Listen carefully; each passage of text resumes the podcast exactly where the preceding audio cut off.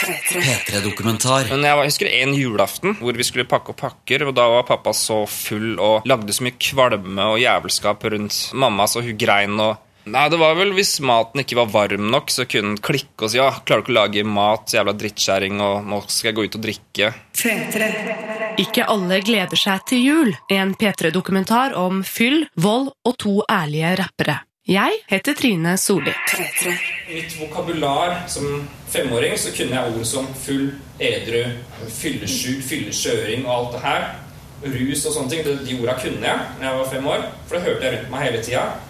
Han var ofte opp med knyttneven sin og sa 'Snart så får du deg på trynet'. Han kasta mat i veggen, han, han dytta oss, han slang inn døra, han skreik. Han gjorde alt for å få oss redde. da Men det slaget kom aldri. liksom Måtte bare gå og vente, se det over skulderen hele tida. Det var, det var jævlig, egentlig, husker jeg. Og den usikkerheten som den fulgte oss overalt. Kenneth og Hakan lever av å reise rundt i Norge og forelese om oppveksten sin. Den kan beskrives med tre ord. Kaos, redsel, usikkerhet. Uh, jeg begynte å utvikle en del tyngre depresjoner, begynte å ha sånn tanker om at jeg skulle ønske ikke jeg var født. For da hadde jeg sluppet unna alt. Alt er basically skummelt når jeg går ut av døra. Begynte å utvikle en del sånn selvmordstanker etter hvert. Jeg kutta meg sjøl opp med barberblader så blodet rant og sånne ting. Begge er vokst opp med psykisk vold og trusler, signert en far og en stefar med store rusproblemer. Så poenget mitt her er Bruk vennene deres. Venninna di, kompisen din. Det er masse ting dere ikke veit om hverandre. Prat med hverandre. Tusen takk. Ikke gå noe sted. Kenneth han skal ta et blogg-bilde av publikum her.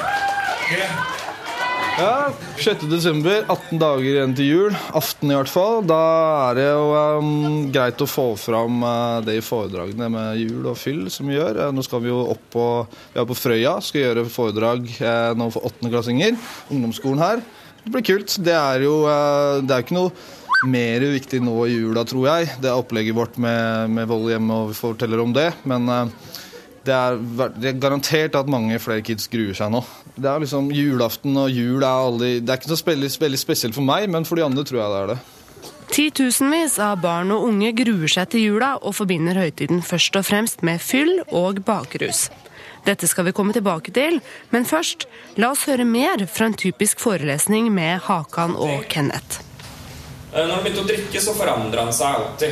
Det ble alltid, alltid kaos. Eh, Det var aldri den fysiske volden. Ingen hadde noe blåveis, så ingen spurte oss hvordan har dere det egentlig. Ingen som spurte om det, og liksom ikke noe grunn til det. Han som forteller om en far som forandret seg når han drakk, heter Kenneth. Hans første seks leveår var under ekstreme og lite barnevennlige forhold sammen med sin mor og far. Ja, når han begynte å drikke, så, så blei han jo helt, helt annerledes. Altså, øya blei helt annerledes. Husker en gang så kom han ut av kjøkkenet med en svær kniv, og mamma blei livredd. Mens da tok jeg i hvert fall et lite sånt ansvar hvor jeg sa han skal ikke bruke kniven til noe. Men slapp helt av, han har bare drikket. Og da var jeg bare fem år gammel, så jeg tok et sånt ansvar som selvfølgelig ikke en femåring skal ta. Og så prøvde jeg å le, sånn at mamma skulle se at uh, det her går bra. Men etter hvert så la han heldigvis bort den kniven. Men det var liksom den uforutsigbarheten at plutselig kunne dra fram en kniv og fløy rundt og sjangle rundt med den. Og så var det noen ganger når jeg gikk rundt i sentrum aleine med han på kvelden, så var han så full at han, han datt i bakken. Han var så full at han ikke kunne stå på beina. Og jeg blei jo livredd. Hvorfor holder du på å dø, eller hva skjer? For å si sånn her, Det eneste jeg kunne være 100 sikker på hjemme hos meg, og det mutter'n og broren min da, var at svefaren min hadde drukket når han kom hjem. Alt annet var usikkert. Og så var det sånn minefelt. Tråkker du feil, så bare eksploderte stefaren for hva som helst. Og eh, det var egentlig jævlig å grue seg til hver dag. Visste aldri hvor humør han var i. Dette er Hakan. Barndommen hans forandret seg da han som syvåring fikk en psykopatisk og alkoholisert stefar som utsatte Hakan, mor og bror for psykisk terror i ti år. Hver jul var vel egentlig ganske døv. Det var trusler om vold, det var fyll, det var Vi grua oss eh, veldig ofte. Som eksempel vi spiser ja, pølser og poteter, eksempel. Og en potetbit, en pølsebit, det var viktig fram og tilbake, liksom. Men stefaren min da kunne plutselig klikke og reise seg opp og kaste maten i veggen og true oss med alt mulig rart. fordi at eh, det lå igjen tre potetbiter etter pølsen var ferdig, og da hadde jo ikke maten gått opp matematisk korrekt. ikke sant? Så da var jo sånn sadistisk på den måten der. De kan le litt av det nå, det er mange år siden, og disse historiene har Hakan og Kenneth fortalt mange ganger før. Tematikken går igjen når Hakan og Kenneth lager musikk under navnet Tonna Bricks. Et tonn med murstein. Siste låta, vendepunkt. Takk for oss. Denne låta 'Vendepunkt' ble gjennombruddet for Tonna Bricks i 2007. Det året fikk de støtte til å turnere og til å gi ut en musikkvideo som du kan se på p3.no slash dokumentar.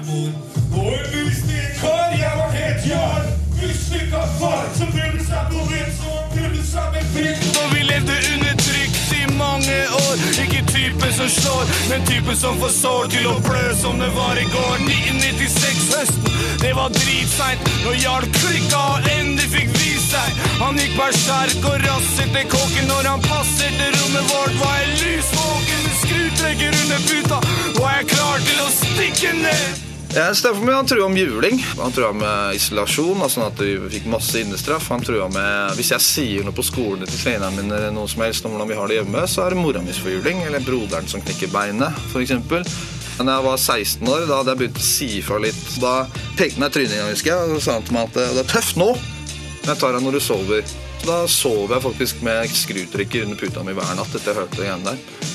Og da plutselig var det på natta, da klikka stefaren min. Ja, broderen, da vi våkna at det var masse knus og knas nede på kjøkkenet. Stefaren min da da, da skjønte jeg med den, der, den lyden der at nå har den virkelig klikka. Bare gått og venta på at den endelig skulle klikke, som jeg sier i den låta. Da hadde jeg broren min bak meg, skrutrekkeren min i hånda. For jeg var jo sikker på at han skulle drepe meg. Det hadde han jo sagt. Eh, Så jeg tenkte han eller meg. Og så blir det plutselig helt stille etter alt dette bråket. Noen få minutter. Og så blir det avbrutt av at det kommer noen opp eh, trappa. Da tenker jeg ok, nå er han ferdig med mutter'n. Nå, nå kommer han å ta meg, nå må jeg holde meg klar.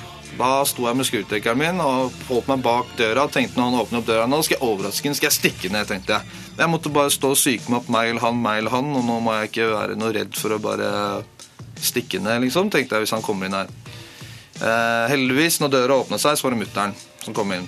Det som hadde skjedd da i mellomtida, hadde vært sånn stille disse to-tre minuttene etter at dette bråket på kjøkkenet, var at mutta hadde klart å komme seg løs fra han og løpt ned i sokkelesene nede ved rekkehusa, hvor det bodde en politimann. Så vi fikk hjelp av han da, til å legge stefaren min håndjern, så hun kunne komme opp og si at vi måtte stikke. Da dro vi til krisesenter. Vi hadde jo venner, altså familie, onkler og tanter unna, ti minutter unna med bil. Vi dro ikke dit. De visste ingenting. Mamma skamma seg. Mamma var redd for at eh, han stefaren vår ville finne oss der, for de ville jo ofte ha hevn. Men vi dro da til et krisesenter isteden. Og Det var jo da på høsten, og så gikk det noen måneder, og så kom jula. Og da var det den beste jula jeg noensinne har feira, faktisk. For da var det helt rolig. Og vi, vi fikk noen få gaver, husker jeg. Det var jo ikke noe viktig i det hele tatt. Eh, eh, Det viktigste var at jeg endelig kunne liksom smake juleribba uten å ha sur smak i kjeften. Da. Vendepunktet kom til slutt, så det kom oss ut. Seks år med drapstrusler, psykisk terror og fyll og puls. Det blei for mye for mamma, til slutt dro vi. En seks timer lang togtur til mormor langt ut på land. Endelig kunne mamma slutte å klage. Alt var stille og rolig, utrolig kontrast. Kunne sove trygt etter at mamma sa god natt. Omring av skog, fjell og store åkre. I motsetning til asfalt, eksos og det bråket. Nå kunne vi slutte å slåss og bygge oss opp. Dratt fra alt, puste ut så trygge så godt. Starta et nytt liv i et så stort hus. Forsto at pappa var sjuk og avhengig av rus. Skjønte det var nødvendig med et vendepunkt. For henne var det temmelig tungt og veldig vondt. Seks år for seint, men det var riktig valg å ta. Kyssa meg på kinnet og sa nå skal alt gå bra. I mitt vers da, så handler det om når vi rømte fra pappa. Og jeg fikk beskjed av mamma at ikke si til noen at pappa drikker.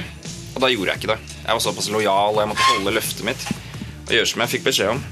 Det var svært få som visste det, bortsett fra farmora mi, som heldigvis var oss og kunne lese litt for meg og gjøre, gi meg oppmerksomhet som et barn trenger. da. Så jeg er veldig glad jeg hadde hun. Men ellers så var det ingen andre som visste noe om det.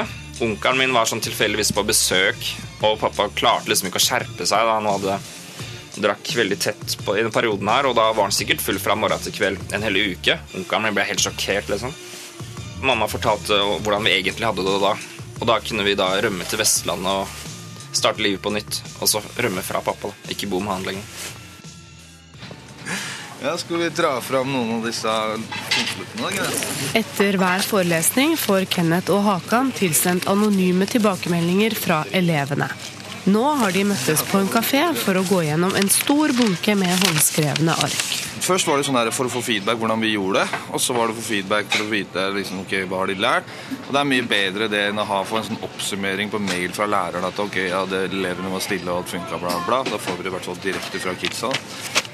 Oi, her fikk vi en, den første her. Da har jeg med å skrive navnet som jeg ikke skal si. Det er en jente i hvert fall. Den var lang. Um, første klasse videregående er dette. Jeg fikk tårer i øya av å høre på dere. Tenkte, den, den kommer igjen av og til. Uh, Du bare ler, er Ja. det rørende? jo, det er, det er det som jeg mener, da. Det er jo min uh, Når jeg er nervøs, så ler jeg. Når jeg er kjempenervøs. psykosomatisk reaksjon som er Ja. Kenneth er liksom psykologen up this. Um, stay strong. på slutten. Den var lang en. Den var kul, den. Har du noe Har du sett mange, Kenneth? til Palm. Jeg syns det var veldig bra og lærerik forestilling. Jeg kjenner meg sjæl veldig igjen i veldig mye av det dere sa. Jeg ble selv innlagt for traumer av barndommen og fikk påvist posttraumatisk stresslidelse. Arkene rommer alt fra komplimenter til mer seriøse tilbakemeldinger og personlige historier som Hakan og Kenneth kan kjenne seg igjen i. Men i hvert fall det, det jeg tenker på at når jeg, når jeg var liten og hadde en del sånne mentale problemer da, altså Jeg turte ikke å, å begynne, begynne på karate. Jeg hadde kjempelyst øh, til det, men jeg bare turte ikke. Og jeg turte ikke å være med til klassetur til England fordi jeg turte ikke å snakke engelsk i engelsktimen. Så hvordan skal jeg klare meg i utlandet? Så jeg følte meg veldig aleine, fordi alle i klassen var liksom Yes, nå skal jeg til England. Jeg følte meg veldig, veldig annerledes. da At det var noe virkelig gærent med meg. Så tenkte jeg at øh, jeg er bare født sånn, må bare aksepteres, og vi er født forskjellige alle. Men altså, når jeg lærte litt mer om psykologi, og sånn, så har det jo en sammenheng med min oppvekst å gjøre. Da. Man kan gjøre noe med det. Altså, man kan søke hjelp, og det er det jeg gjorde. På begynte en psykolog da jeg var 19, begynte på antidepressiv, begynte å jobbe med meg sjøl. En del sånn kognitive teknikker, eh, og snakke om oppveksten, snakke den i stykker. i. Og jobbe med meg sjøl for å få det veldig mye bedre. Da. Og det, det gjorde jeg også, heldigvis. Ellers hadde jeg ikke klart å reise rundt med den eh, kampanjen her.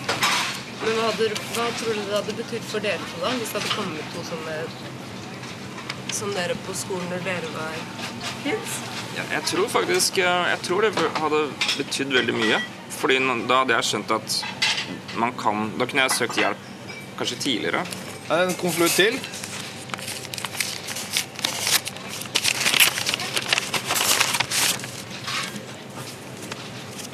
Oi, konvolutt på konvolutt. Det er en som har lagt en egen Oi, den var lang. Oi, den så ut som var litt eh, seriøs. Det har fullt navn og nesten en hel stil. Det er overraskende. Hakan har fått et alvorlig drag over ansiktet. Smilet har stivna, og jeg skjønner at det han leser, gjør inntrykk. Tonna Brix. Jeg likte forestillingen veldig godt. Den var veldig lærerik, og jeg kjente meg igjen i så utrolig mye av det dere snakka om og fortalte. Min far drikker ikke og tar ikke og doper seg på piller som faren og stefaren deres gjorde, men faren min klikker for sånn alt. Han klikker for dumme småting. Men jeg er redd for ham. Fordi når han først blir sur og klikker, så er jeg sykt redd for at han skal slå meg. Selv om han aldri har gjort det før. Ikke ennå, i hvert fall. Jeg lurer på hva dere syns jeg skal gjøre. For jeg orker nesten ikke å bo hjemme lenger. Men hvis jeg rømmer hjemmefra, så ringer mamma og pappa politiet. For jeg er også redd for pappa. Fordi han slengte mamma i bakken en gang for flere år siden, og jeg var på rommet ved siden av, hvor det ikke er noen dør imellom, bare en åpen gang. Jeg er utrolig redd og vet ikke hva jeg skal gjøre. Kan dere være så snill å hjelpe meg? Gi meg råd eller noe? Så dere kan hjelpe meg så jeg kan få det bedre og sånn. For det skjedd så jævlig mye dritt i mitt liv som ingen kan se, og ingen tror meg. Men mye har skjedd, og ja, dere er sikkert ikke interessert i å høre på eller lese det akkurat nå, men det har skjedd så jævlig mye dritt, og jeg hadde satt stor pris på om dere kunne hjelpe meg. Tusen takk for at dere har brukt tiden deres til å lese dette brevet. Tusen takk. Uff, dette var en uh, Dette var uh, eh, langt. Det er i hvert fall å lurer på en del her, da. det er noen som vi må legge til sida, Kenneth, som ikke kan vente, for å si det sånn. Skal bare ta en liten blunk og se. Ja, Det her har jeg vært igjennom, faktisk.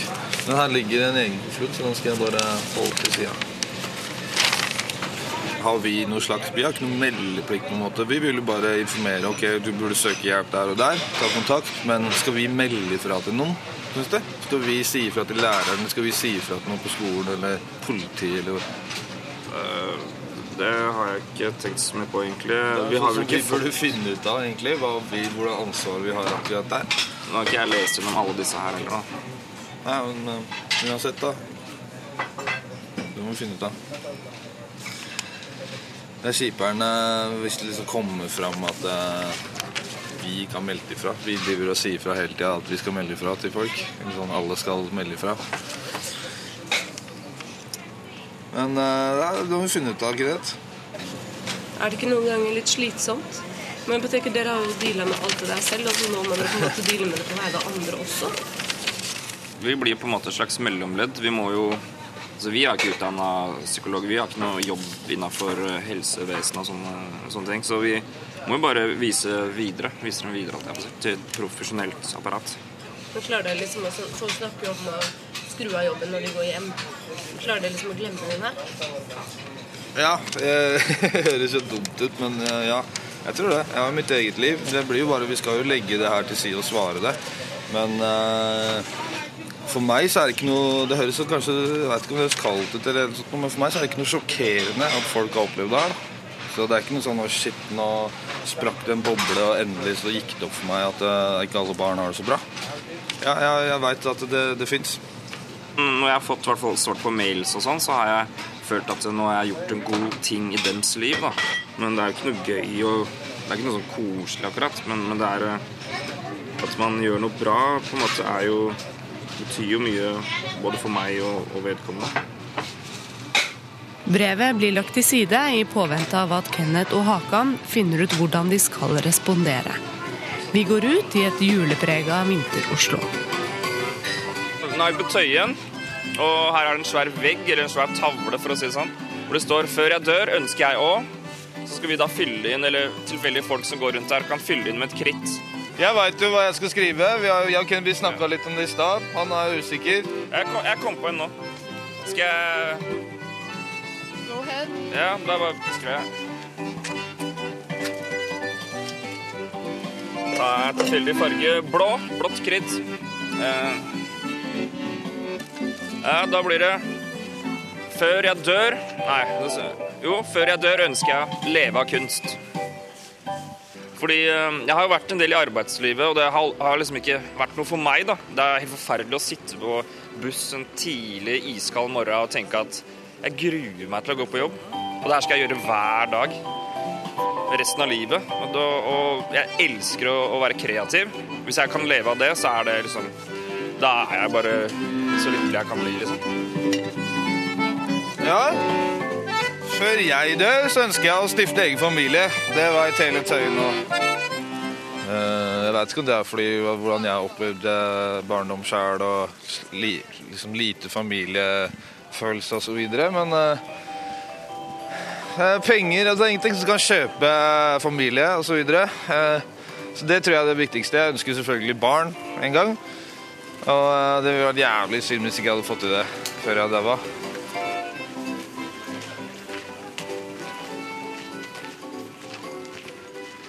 Nå er vi på vei til Tonnebrick Studio. Da er vi til heis. Hakan og Kenneth er på vei inn i et bortgjemt kontorlokale i Oslo, hvor de har sitt eget lille studio.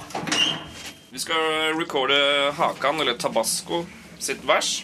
Eh, Så da er vel det siste finishen på julelåta vår. Tonna Briggs har laget en utradisjonell julelåt, 'Tror du på julenissen', som handler om at ikke alle gleder seg til jul. Vi er jo i gang med, eller straks ferdig med den julelåta som vi har lagd. Vi tenkte vi skulle lage en sånn ironisk låt. En sånn kjempekoselig musikk. Litt sånn der typisk jul. Eh, bjeller og trekkspill og sånn. Og så Bare få liksom sånn halvveis sånn singalang-greie, da. Uh, og så har vi spytter vi litt ironiske typer tekster, da, syns jeg. Eller ting som er litt sånn utypisk jul. Folkehelseinstituttet estimerer at rundt 90 000 barn til enhver tid lever i hjem hvor det er rusmisbruk. Disse barna er spesielt utsatt i jula, for da har Vinmonopolet dobbelt så stor omsetning som resten av året. Yeah, yeah, ok. Nei, sorry. Studio er veldig lite og trangt. Det bærer preg av hjemmesnekra provisoriske løsninger. Eggekartonger og fargerike tepper på veggene. Tomme ølbokser, en PC, en mikser og et keyboard. Du er klar der inne, eller? Ja, bare hør på Bare sett på igjen. Skal vi sjekke om det er noe lyd i headsetet her. Ja da, det er noe lyd. Når jeg skrev låta, så gikk jeg til psykolog på Ryen psykiatrisk. Jeg gikk på antidepressiv. Så jeg liksom ønska meg til jul at jeg skulle slippe det. da. Eh, Og legge vekt på at jeg ikke drikker foran barna mine, og de kommer først hos meg. Kenneth kan ta seg en øl, eller seks, men aldri foran de to barna sine. En fersk undersøkelse utført på vegne av organisasjonen Av og til viser at stadig flere av oss velger å drikke foran ungene våre. Nesten 20% oppga at de drakk mer enn tre enheter på julaften med barna til stede. Ja, ok, Prøv, prøv et tikk Mer energi, da. Mer energi? Yeah. Ok. Nå handle. Ja. Ja, bare spill derfra. Jeg feirer jo ikke jul sjøl, da. Eh, det er jo ikke noe sånn der big deal, det. Men det er sånn Har jo ikke noen familie spesielt eh, som eh, ville ha vekt på da jeg var liten. Og så nå som jeg har blitt eldre og jeg ble, blitt min egen mann, så, så har jeg jo droppa egentlig julefeiringa. Liksom, det er ikke noe spesielt egentlig å feire. Sånn eh, eh, Trenger ikke å legge noe spesielt vekt på det. det jo Hvorfor ikke det? Eh, altså For oss så er det Eller vet ikke ja, for, for Jul er da, som jeg tenker det, så er det sånn ok, da, skal, da er det sånn handler om familien, på en måte. Når ikke vår familie møtes, og fa, hele halvsida altså slekta er tyrkere, og de feirer ikke jul, og mamma bor oppe i Trondheim og har sin egen plan vanligvis, så er det jo så er det ikke noe sånn, Vi trenger ikke å legge så sykt mye vekt på alle juletradisjoner, og vi må ha ditt og vi må ha datt, og alt skal liksom stemme. Vi bare lager noe god middag, broderen, og, og ordner oss sjæl, liksom. Vi, vi er ikke sånn opptatt av at vi skal ha rød duk. Men det har ikke noe sammenheng med at du ikke hadde det så kult i jula som barn selv, da? Nei, jeg veit ikke. Jeg, jeg tror Altså, det, det er litt den der greia med at ok, hvis, altså, Du kan ikke savne noe som du ikke har opplevd. på en måte da. Jeg har opplevd eh, noen bra julaftener. Det er veldig få av dem. Det har vært mye kaos. Det- Oppveksten min har kanskje gjort mer sånn at jeg har lyst til å finne mine egne måter å gjøre ting på. da. Min egen familie, gjøre det på min egen måte. Det er det, sånn sett, er det, det er sånn det har forma meg. Barna gleder seg til jula. Mamma har Tror du på julenissen? Hei! Tror du på julenissen? Det er jo liksom, det er, I refrenget så sier vi at barna gleder seg til jula, alle er glad og så videre. Og er det, jo- det er jo ironisk, så vi prøver å fortelle den historien som ikke kommer fram i vanlige julelåter. da. Siste jeg tror kanskje det er best. I den undersøkelsen jeg nettopp nevnte, kommer det også fram at 80% av oss ikke diskuterer alkoholbruk med familie eller andre vi skal feire jul med. Tonna Briggs oppfordrer til denne typen diskusjon, og med sin bakgrunn kan vi jo si at de er overkvalifisert når det kommer til å formidle de mindre hyggelige fortellingene om jula. Men jeg husker en julaften hvor vi skulle pakke opp pakker, og da var pappa så full og lagde så mye kvalme og jævelskap rundt mamma, så hun grein og Nei, det var vel hvis maten ikke var varm nok, så kunne hun klikke og si ja, klarer du ikke å lage mat, så jævla drittkjerring, og nå skal jeg gå ut og drikke. Eh, Og så var det jo, er det jo noen episoder hvor han trua farmor med kniv for han visste at hun hadde noen sterke piller. Det siste taka, jeg tror kanskje det er best Ja, men bare spør meg først jeg, jeg bare husker at mamma grein og skreik og Kan ikke du komme deg ut? Så vi får pakke opp gavene. Så når han kom seg ut, så så roa ting seg veldig. Og da kunne man hva skal jeg si, åpne pakken i fred. da. Bra å se mamma kunne tørke tårene og komme til seg sjøl. Og det var jo veldig viktig, selvfølgelig. Inntil jul var på krisesenteret. Jeg var 18, spiller skytemeg på julaften, på julaften, høy i hatten. Ja, cool avslutning, i hvert fall. Etter mange timer i det trange og rotete studio er låta ferdig. Og så må man bare ha flaks eller kontakter eller begge deler og prøve å få spredd den låta. da. Ligger den på nettet uansett, så er den tilgjengelig. Kanskje vi skal slutte å handle og begynne å handle? Skjønner du at jula handler om mer enn å dytte jula på en handlevogn? Om det er Sankt Nikolas var en munk fra Tyrkia? Ja, der fikk smykke følge bok, er det feiring 11. september. Gå på nett og sjekk om det stemmer. No po-po, men må beste en røver. Høsler og ljuger, jeg òg, men jeg prøver å tro på Jesus. Men ikke superkristen. Ikke alle barn tror på julenissen. Hva veit dattera til ordføreren? Kanskje vekke fosstrekket som en foss. Kanskje barna fikk smak av alle sju. Snur andre sine og tar en på haka. En til jul. Var på krisesenteret når jeg var 18. Spiller skyter meg på julaften, på julaften, høy i halten. Barna gleder seg til jula. Mamma har bakt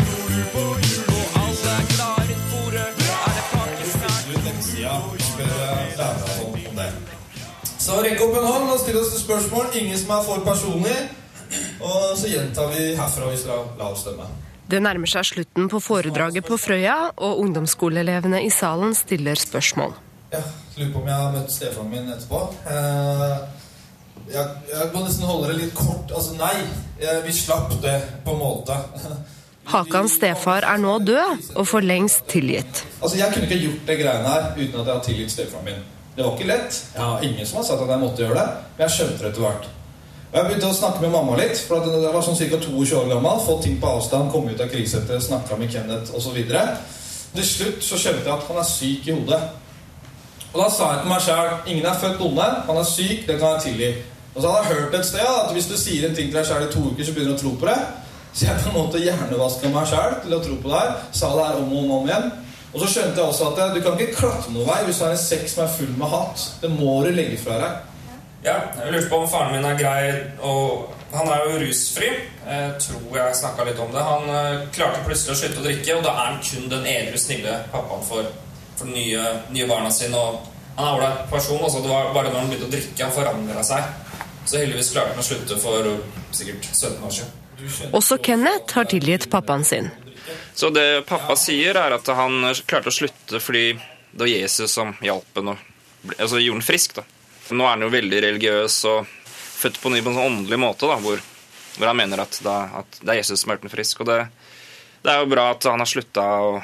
Det endte bra. da. Og så kunne det jo endt veldig dårlig, men, eh, men heldigvis så lever han. Det er en dritbra metode. Så for å avslutte med det Kenneth og jeg syns det er dritkult og veldig stolte av å kunne reise hit og representere det usynlige med et ansikt og en stemme. Takk. Når jeg holder foredrag og jeg møter noen av disse ungdommene som sliter med det samme, kommer bort til meg og kanskje forteller litt, og sånne ting, åpner seg litt, så, så er jeg i hvert fall i stand til å kunne svare bra, gi dem bra råd. Da har jeg plutselig bare blitt en, sånn, en, en del av noe, noe veldig mye større. Da. At jeg faktisk hjelper folk. Det, den verste hemmeligheten du gikk og bar på, det du trodde kanskje skulle ødelegge livet ditt, det er faktisk er med nå på, på å redde det. For real Ønsker meg én ting Få lys inn som erstatter et mørkt sinn Hadde sluppet pillerør i en psykiatrisk Unipolare forstyrrelser forsvinner gradvis Fjeset til kidsa mine Når det river i gavepapiret Glad for å styre Du skal ikke se meg rekke Rart de kommer i første rekke Skru på ovnen! Julepizza Skru av korken! Julekidsa Skru av lyden! Lure naboer Skru på skjermen! Skjul alle Barna gleder seg til jula. Ja!